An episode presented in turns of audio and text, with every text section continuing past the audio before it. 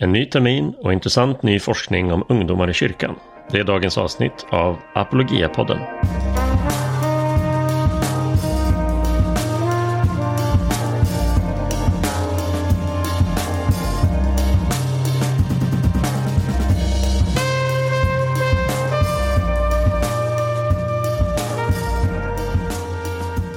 Välkomna tillbaka till en ny säsong med Apologia-podden. Jag som är programledare heter Martin Helgesson och det är samma programledare men det är en ny termin och vi ser verkligen fram emot allt som är på gång här i Apologia. Jag bjöd in Stefan Gustafsson till poddstudion för att prata om några höjdpunkter i den nya kommande terminen. Eh, och sen i del två pratar vi också om rykande färsk forskning eh, som faktiskt borde utgöra en larmrapport vad gäller kyrkans förmåga att nå nästa generation.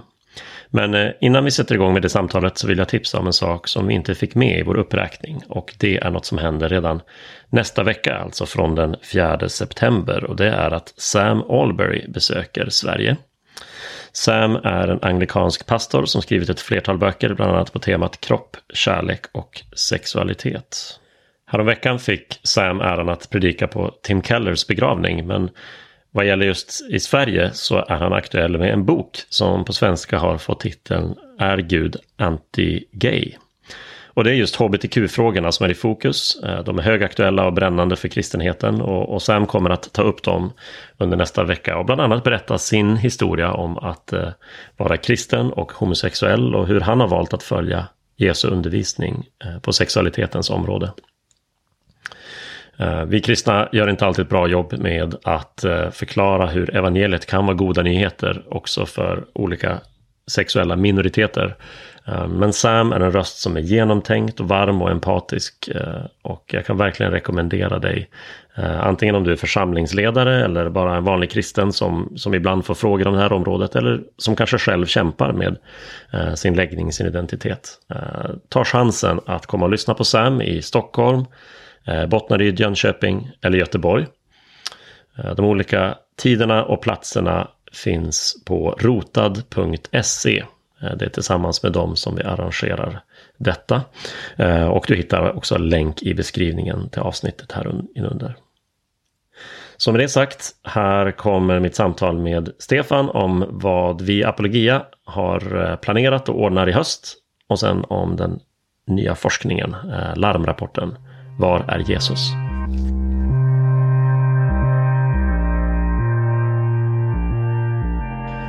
Vad härligt att vara tillbaka i Apologia-poddens studio med Stefan Gustafsson, eh, min kollega och direktor för Apologia. Eh, Stefan, eh, att vi sitter här i studion igen, det är ju också ett tydligt tecken på att nu börjar liksom en ny termin och det finns mycket roligt att se fram emot i Apologias arbete. Hur taggad är du på en skala 1 till 10? Sommaren är förbi, hösten närmar sig. Det kan ju låta lite deprimerande, men jag är verkligen taggad för eh, Apologia och det vi har framför oss och som drar igång från och med nu. Eh, svaret är alltså 11. 11. Ja, jag gissar att svaret är 11. Det brukar vara det i, i ditt fall. Yes, absolut. Eh, och eh, vi tänkte att vi skulle ägna dagens podd åt eh, två saker. Vi vill ge några konkreta tips här och nu till dig som eh, brukar haka på i, i det vi gör i Apologia. Eh, saker som du kan och eh, skulle jag säga bör vara med på om du har möjlighet. Och sen för det andra ska vi prata lite grann om eh, mer bakgrund och vad ska vi säga, det som driver vårt arbete med, med ett eh, väldigt eh, färskt och aktuellt exempel på varför vårt arbete behövs. Men om vi skulle börja i det lite mer konkreta då. Eh, så börjar en ny säsong med Apologia Live, våra webinars. Eh, där man har möjlighet att koppla upp sig gratis var man än sitter i världen för att eh, höra oss ta upp ett intressant aktuellt ämne och också få ställa sina frågor till, till den gäst eller den talare vi har. Och vi börjar ju den 6 september, alltså väldigt snart här den 6 september klockan 19. Och det är du Stefan som kommer och vi har satt eh, temat för den kvällen som I vägen. Vill du förklara denna lite kryptiska rubrik? I vägen, vad är det som står i vägen? Och då syftar vi på det mest centrala i kristen tro, det som avgör eh, hela kristendomen, frågan om Jesu uppståndelse. Vad är det som står i vägen för vår kultur, för människor att eh, Eh, att undersöka uppståndelsen, att ta uppståndelsen på allvar, att, att, ens överväga den som en möjlighet. Det, det tragiska i vår kultur är ju att så väldigt många människor har släppt hela frågeställningen därför att det har ställt sig saker i vägen som har gjort hela, hela möjligheten av att Gud skulle ha uppväckt Jesus till ett förhärligat liv. Hela den möjligheten har, eh, har försvunnit. Och det är vad vi ska tala om Eh, den 6 september. Vad är det där som står i vägen?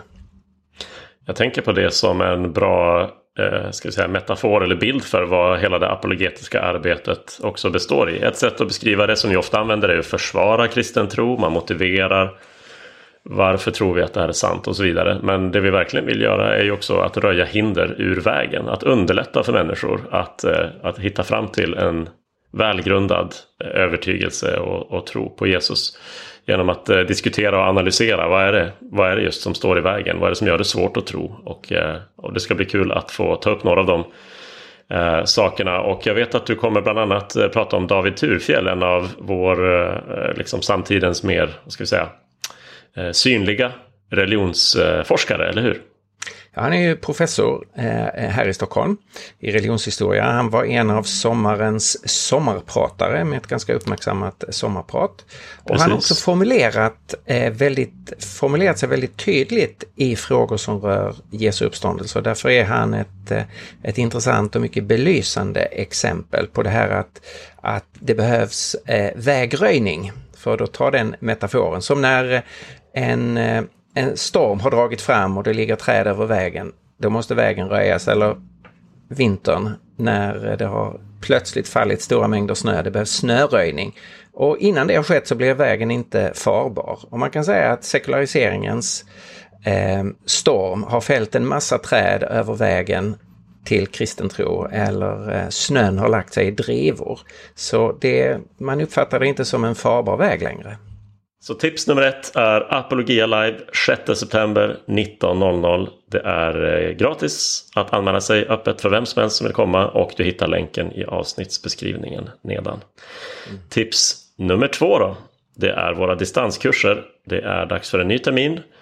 Du har lite mer tid på det här den 18 september. Det är en måndag kväll som vi drar igång våra kurser med en liten gemensam uppstartsträff på Zoom. Och eh, precis som Apologia Live så är ju det här eh, också någonting som du kan göra var du än befinner dig i landet eller utanför landet. De enda begränsningarna är möjligen tidszon ifall du befinner dig riktigt långt borta eh, från, våra, eh, från våra trakter här. Men eh, vi kör fyra stycken distanskurser i höst.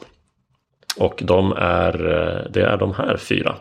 Vi har en ny kurs som heter Obegriplig bibel eh, fast det där o är tanken att det ska liksom suddas ut längs kursens gång så att vi verkligen ska få hjälp att märka att Bibeln är begriplig. Den går att förstå. Vi kommer ta upp några av de riktigt klassiskt svåra bibeltexterna. En del av dem rör historiska frågor. En del rör eh, moraliska frågor. En del eh, är av typen, är det här inte en motsägelse med en annan text i Bibeln? Du kommer bland annat gästspela Stefan med, med den typen av frågor. Mm, ser jag fram emot. Så, så det är en kurs som jag håller i och ramar in men eh, du kommer få träffa på både Stefan och eh, Ray från Apologia-teamet och möjligen någon fler när vi tar oss an några riktigt svåra bibeltexter för att hjälpa dig med dem. Så haka på den kursen och, eller haka på kursen Apologeterna som Ray Baker ansvarar för.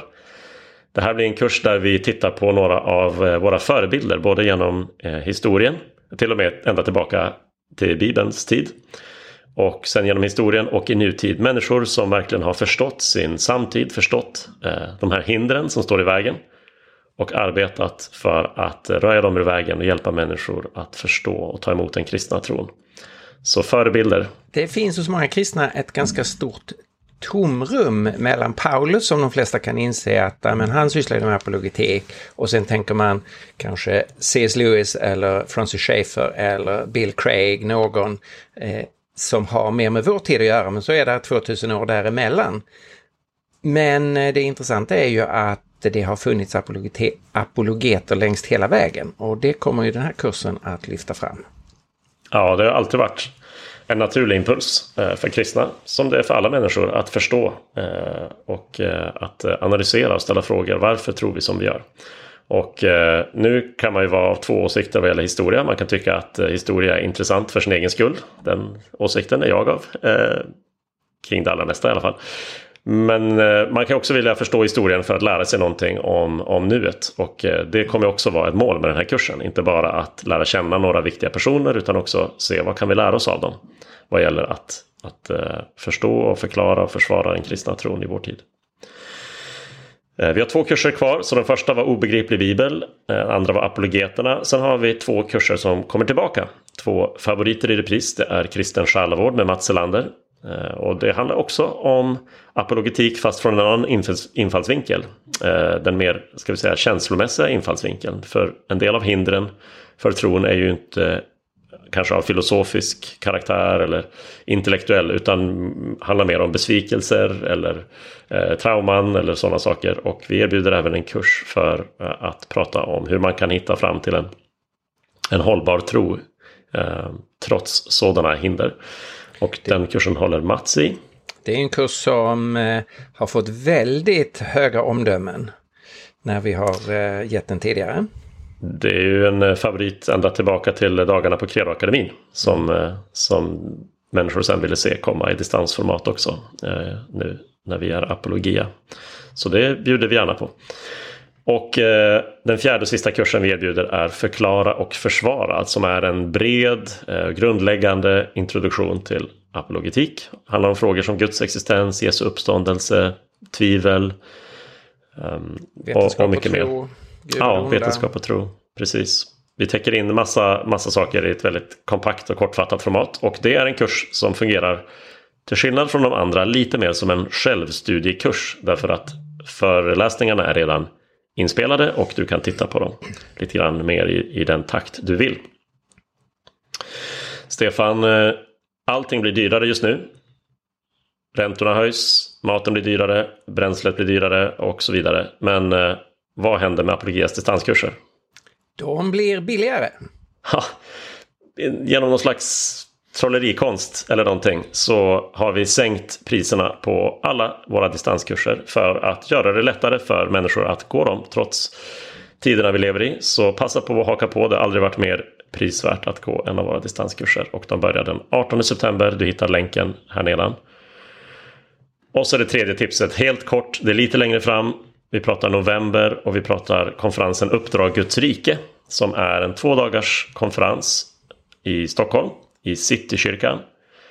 Eh, som samlar människor, eh, kristna från hela landet med olika kallelser, olika uppgifter. En del arbetar eh, som heltidssyssla i, i församling. De flesta som kommer gör inte det men känner en kallelse att på något sätt eh, vara en, en ledare eller vara en välsignelse till kyrkan i Sverige genom att eh, hålla på med apologetik eller predikan och bibelundervisning. Genom samhällsengagemang eller eh, eh, kanske genom ett, ett helt annat yrke som eh, naturvetare eller eh, något sådant. Vi erbjuder flera olika, mer än en handfull olika nätverk beroende på vad ditt intresseområde och din kallelse är. Eh, så Uppdragets rike kommer alltså den 10-11 november i Citykyrkan Stockholm. Och där finns ju självklart ett apologetiknätverk som vi Apologia håller i. Och vi är involverade också i flera av de andra eh, nätverken. Eh, du leder ett intressant nätverk Martin. Ja, det är för de som jobbar med att predika eller undervisa Bibeln på något sätt. Det kan vara allt från söndagsskola, ungdomsgrupp, hemgrupp till eh, gudstjänstsammanhang.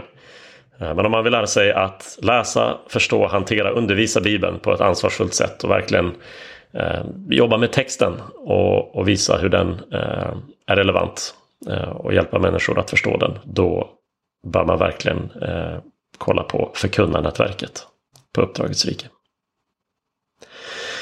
Okej, okay, nu har vi pratat oss varma och gjort reklam för ett antal saker som händer under hösten. Så vi tar ett litet eh, break och kommer tillbaka med den mer kanske avgörande grundläggande frågan. Behövs egentligen det här som vi i Apologia håller på med?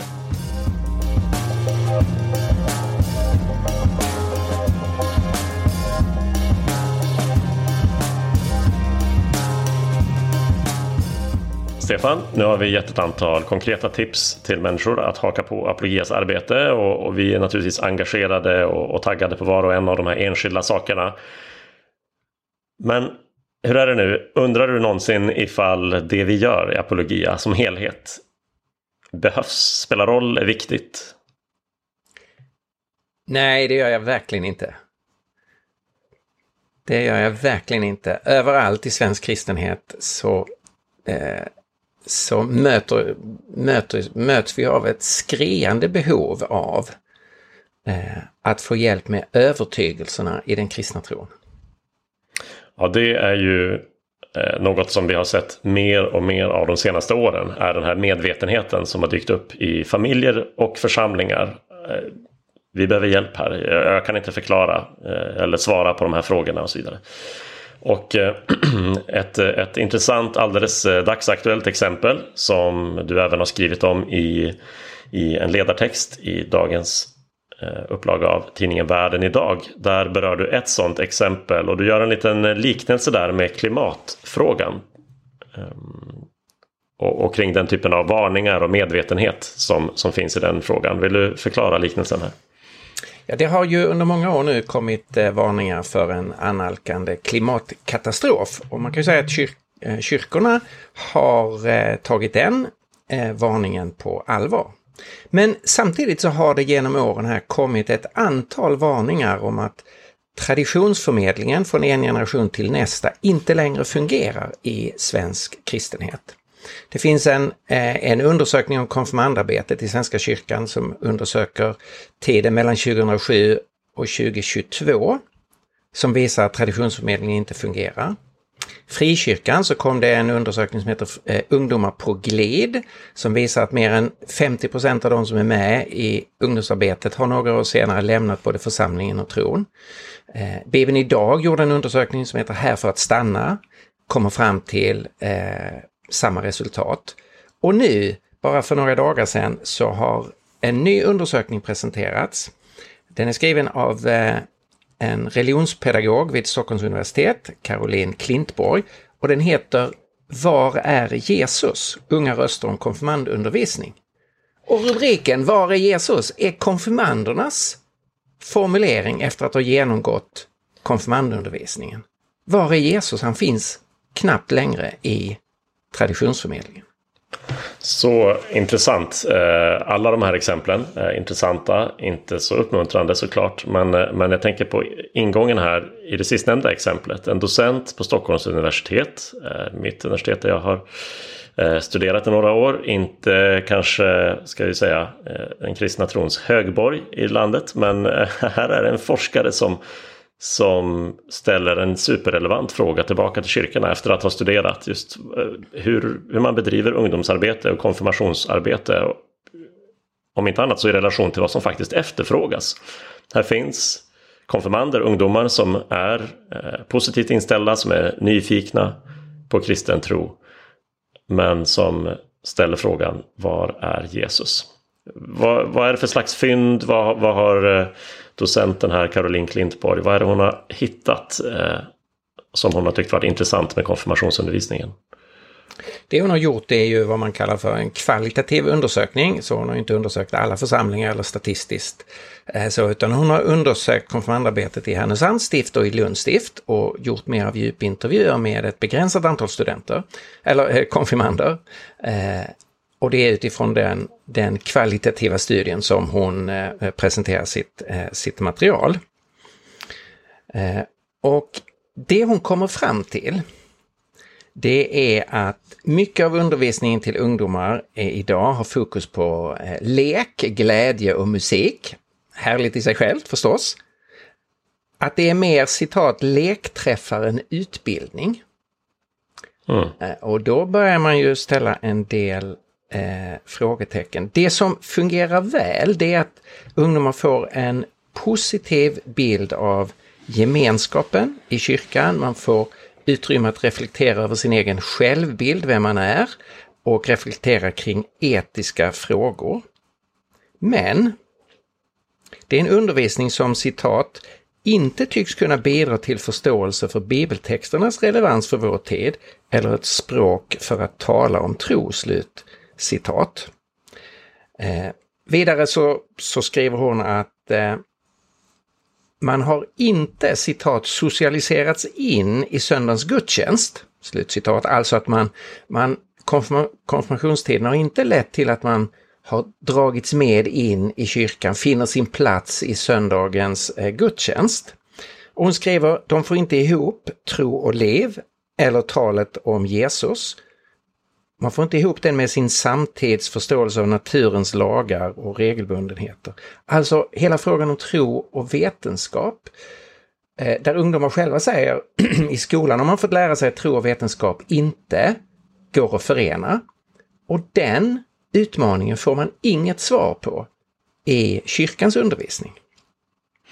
Så vi kan konstatera här då några, några gemensamma teman ofta i de här undersökningarna. Eh, I den mån jag har läst dem. Jag har inte läst den här senaste utan, eh, utan det är du som åter, får återge den. Men är ju att kyrkan eh, upplevs av väldigt många som en skön plats att hänga på. Det är tryggt, man har roligt, man har trevligt, man får chans att växa som person i på något sätt största allmänhet genom att man får ett socialt sammanhang. Eh, man kan känna delaktighet och göra olika uppgifter och så vidare. Så, om man har roligt och, och trevligt tillsammans. Men när det kommer just till kunskapsförmedling, att faktiskt tala om vad den kristna tron handlar om. Vad som skiljer kyrkan från andra platser man skulle potentiellt kunna ha trevligt tillsammans på. Och, och de bärande övertygelserna i den kristna tron. Så, så når man inte fram. Hon sammanfattar, hon går igenom då sin undersökning och, diskuterar de olika resultaten och i det sammanfattande kapitlet så skriver hon så här. Och om du står upp nu så sätt dig ner om du är en kristen. Därför att det här är jobbigt. Resultatet, slut, alltså hennes sammanfattning, det är Jesus framstår som en historisk figur utan betydelse för det egna livet och Gud framträder som en terapeutisk kraft och inte som en ontologisk verklighet. Det här är en fullständig katastrof. Jesus, alltså efter att ha gått en, en konfirmationsundervisning så framstår Jesus bara som en person som har existerat men utan betydelse för oss som lever idag. Och Gud finns inte på riktigt, alltså en ontologisk verklighet att Gud skulle finnas av evighet som är, och vara den som är upphov till hela tillvaron. Utan Gud är en terapeutisk kraft, en, en, en terapeutisk term eh, som liksom psykologiskt kan vara eh, hjälpsam för oss. Men det går inte, ut, inte utöver det. Om man ska formulera det här på ett annat sätt så, så visar den, den här undersökningen hon har gjort att sekulariseringen har vunnit över evangeliet också i själva kyrkan. Det här är ja. katastrofalt. Det här är en borde vara en väckarklocka så att kyrkan la ner det mesta man sysslar med för att i bön och omvändelse och på allvar börja fundera över hur kommunicerar vi evangeliet till unga människor i Sverige idag? Ja, det är ju verkligen, eh, det är verkligen en kris om det är så. Eh, ingen ska komma och låtsas som att det är enkelt att lösa det här. Det är inte, det är inte därför vi eh, tar upp det. Men det sätter verkligen fingret på att här måste man, här måste man ju prova något annat och, och, och inse vad man misslyckas med att ge. Eh, till och med de som faktiskt efterfrågar det. Det är ju en sak att vi har svårt att nå igenom bruset. att svårt att vi har nå, svårt att nå fram till människor som som är på något sätt kanske fientligt inställda till den kristna tron och så vidare. Men om kyrkan inte når fram till de som faktiskt vill vara där. Eh, det, det är sorglig läsning verkligen. Och vad har kyrkan själv tappat om det är så att man i sin undervisning får Jesus att framstå som utan betydelse för det egna livet och Gud som om han inte vore en ontologisk verklighet? Det låter ju som att det här helt subjektiva paradigmet som, som eh, har lagt sig över så mycket av vår kultur och vår kulturs syn på de stora existentiella frågorna. Att det är upp till var och en. Det finns inga, finns inga givna svar. Det är verkligen upp till dig att välja. Mm. Eh, i, I första hand i princip utifrån vad som känns bra. Utifrån vad som får dig att må bra. Vad kul att du har hittat något som funkar för dig. Och att det är det tänkesättet som, som har smittat av sig här på hur man lägger upp undervisningen i kyrkan. Grunden blir det en sorts humanism, alltså där eh, eh en form av sekulär humanism med lite religiös fernissa där poängen blir att, eh, att bekräfta människor i sig själv en, en, eh, någonting fint och viktigt, men det liksom begränsas till det med självkännedom, bekräftelse av, eh, av människan. Och den stora bilden som kristen tro ger, eh, den, den tonar bort och, och, och försvinner. Det har ju eh, under ganska lång tid nu, jag tror att det är forskning som går tillbaka 15-20 år i tiden eh, på amerikansk mark, funnits ett grepp som kallas för Moralistic Therapeutic Deism. Alltså moralistisk terapeutisk deism. Tanken på Gud som någon avlägsen figur som möjligen kanske satte igång universum för länge sedan. Men som vi bara nu har någon typ av kontakt med genom att vi själva försöker leva moraliskt. Och, och så, och så den, den terapeutiska liksom, eh, beståndsdelen. Att, att den kristna tron handlar om på något sätt att Gud bekräftar mig, får mig att må bra och så. Och det som verkligen saknas där är ju just eh, en gud som, som är levande och verksam och dynamisk. Som har gripit in i historien, som har kommit till oss genom Jesus och som har på allvar förändrat hela våra livsvillkor genom Jesu liv och död och uppståndelse. Evangeliet med andra ord. Mm. Var, vad hände med det? Mm. Caroline eh, Klintborg hon frågar i slutet av sin bok när hon har redogjort för det här och, och hon och kan visa väldigt tydligt att, att det som är klassisk kristen tro är inte det som eh, konfirmanderna har fått kunskap om, än mindre bejakat under konfirmandundervisningen. Eh, så frågar hon, vem tar kyrkans generationsöverskridande utbildningsansvar? Det var ju två långa ord där, generationsöverskridande utbildningsansvar. Men det handlar ju om detta helt livsviktiga att kristen tro förs ju genom historien från person till person och från generation till generation.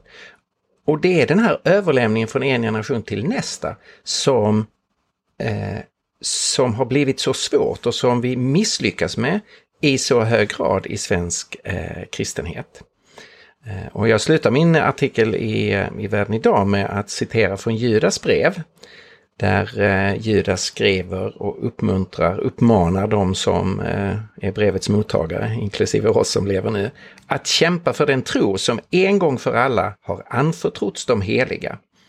Och där är ju själva tankegången att, att Gud har uppenbarat tron, gett oss evangeliet och den har anförtrotts en gång för alla. Och nu behöver den förmedlas vidare, just från person till person, från generation till generation och man måste kämpa för eh, den tron så att den inte bara eh, späds ut eller försvinner eller förändras eh, längs vägen. Och här är det allvarliga läge som svensk kristenhet står för. Nu är den här den undersökningen vi har pratat om här, den, det är ju Svenska kyrkans konfirmandarbete. Men trenden och tendenserna som den boken illustrerar finns ju brett i, i kristenheten. Mm. Ja, nej, så eh, vi kan med andra ord eh, konstatera att eh, här, eh, här finns ingen risk för en känsla av eh, redundans av meningslöshet eller att vi på något sätt skulle vara överflödiga i apologia. Det finns jobb att göra för hela, hela Kristi kropp med alla våra olika kallelser och inte minst den apologetiska sidan som, är, som vi arbetar med. Att tänka igenom kristen tro, att presentera en, en genomtänkt övertygande eh, välgrundad tro och ge den vidare. Här, här har vi alla en uppgift att göra. Och, eh, vi försöker göra vår del i apologia på olika sätt genom, eh, genom alla de sakerna vi nämnde inledningsvis. Eh, och genom övriga saker vi, vi tar oss för, vad böcker vi ger ut, eh, poddar och så vidare. Men, eh, men här behöver vi alla fundera på vad kan vi göra? Vad kan jag göra? Vad kan min församling göra? Eller den del av kristenheten som jag finns i. Hur kan vi på olika sätt dra våra strå till stacken för att hjälpa varandra till en, en hållbar och genomtänkt tro och att ge den vidare. Um, jag kan tänka ett, eh, ett konkret, en konkret fråga, ett konkret tips här om man skulle då kunna, eh, vi ska inte göra om allt det här, hela den här allvarliga frågan till bara någon slags reklam för det vi gör. Men, men det kan vara värt att fundera på. Apologia erbjuder distanskurser som, som passar utmärkt för Eh, om inte konfirmander så i alla fall de som har kommit eh, några fler år eh, på vägen i livet. Och om du inte själv är intresserad av att gå en distanskurs kanske du har en, en uh, ung person i ditt liv som brottas med sin tro, som ställer svåra frågor och uh, som kanske faktiskt skulle vara intresserad om de fick ett tips eller kanske rent av fick i present att få haka på en av våra kurser som ett av många olika möjliga sätt att, att bearbeta eh, sin tro eller undersöka den kristna tron helt enkelt. Eller ta kontakt med ungdomsledaren i din församling eller med pastorn, prästen Eh, och diskutera vad kan man göra. Ett alternativ är att bjuda in någon från oss i Apologia att tala till exempel om vetenskap och tro.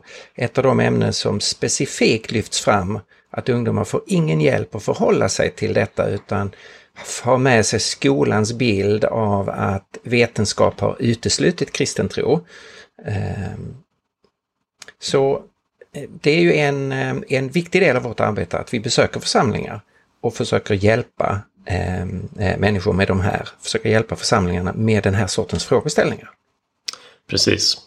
Ja, så här finns jobb att göra helt enkelt. Och eh, vi är mycket motiverade och taggade på en ny termin. Vi ser fram emot en massa olika saker som ligger framför och, och, med din hjälp kan vi fylla våra kalendrar ytterligare något genom att boka in lite besök på, på fler ställen i landet. Och eh, vi hoppas att du som lyssnar vill eh, vara med och, och, tipsa och dra in fler i, eh, i eh, det vi gör tillsammans för att eh, hjälpa både kristenheten och vår omvärld att se att evangeliet om Jesus är sant och välgrundat och håller att leva på.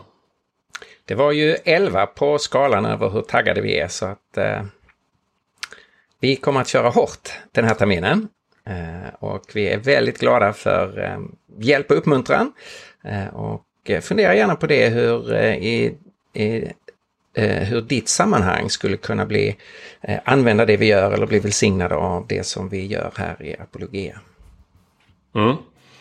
Så eh, med eh, det säger vi tack för den här gången och eh, nu när, när allt har börjat så hoppas vi att vi ses och hörs snart igen på Apologia Live på en distanskurs eller bara nästa gång på Apologia-podden. Tack för att du lyssnat och vi hörs. Hej då! Hej då!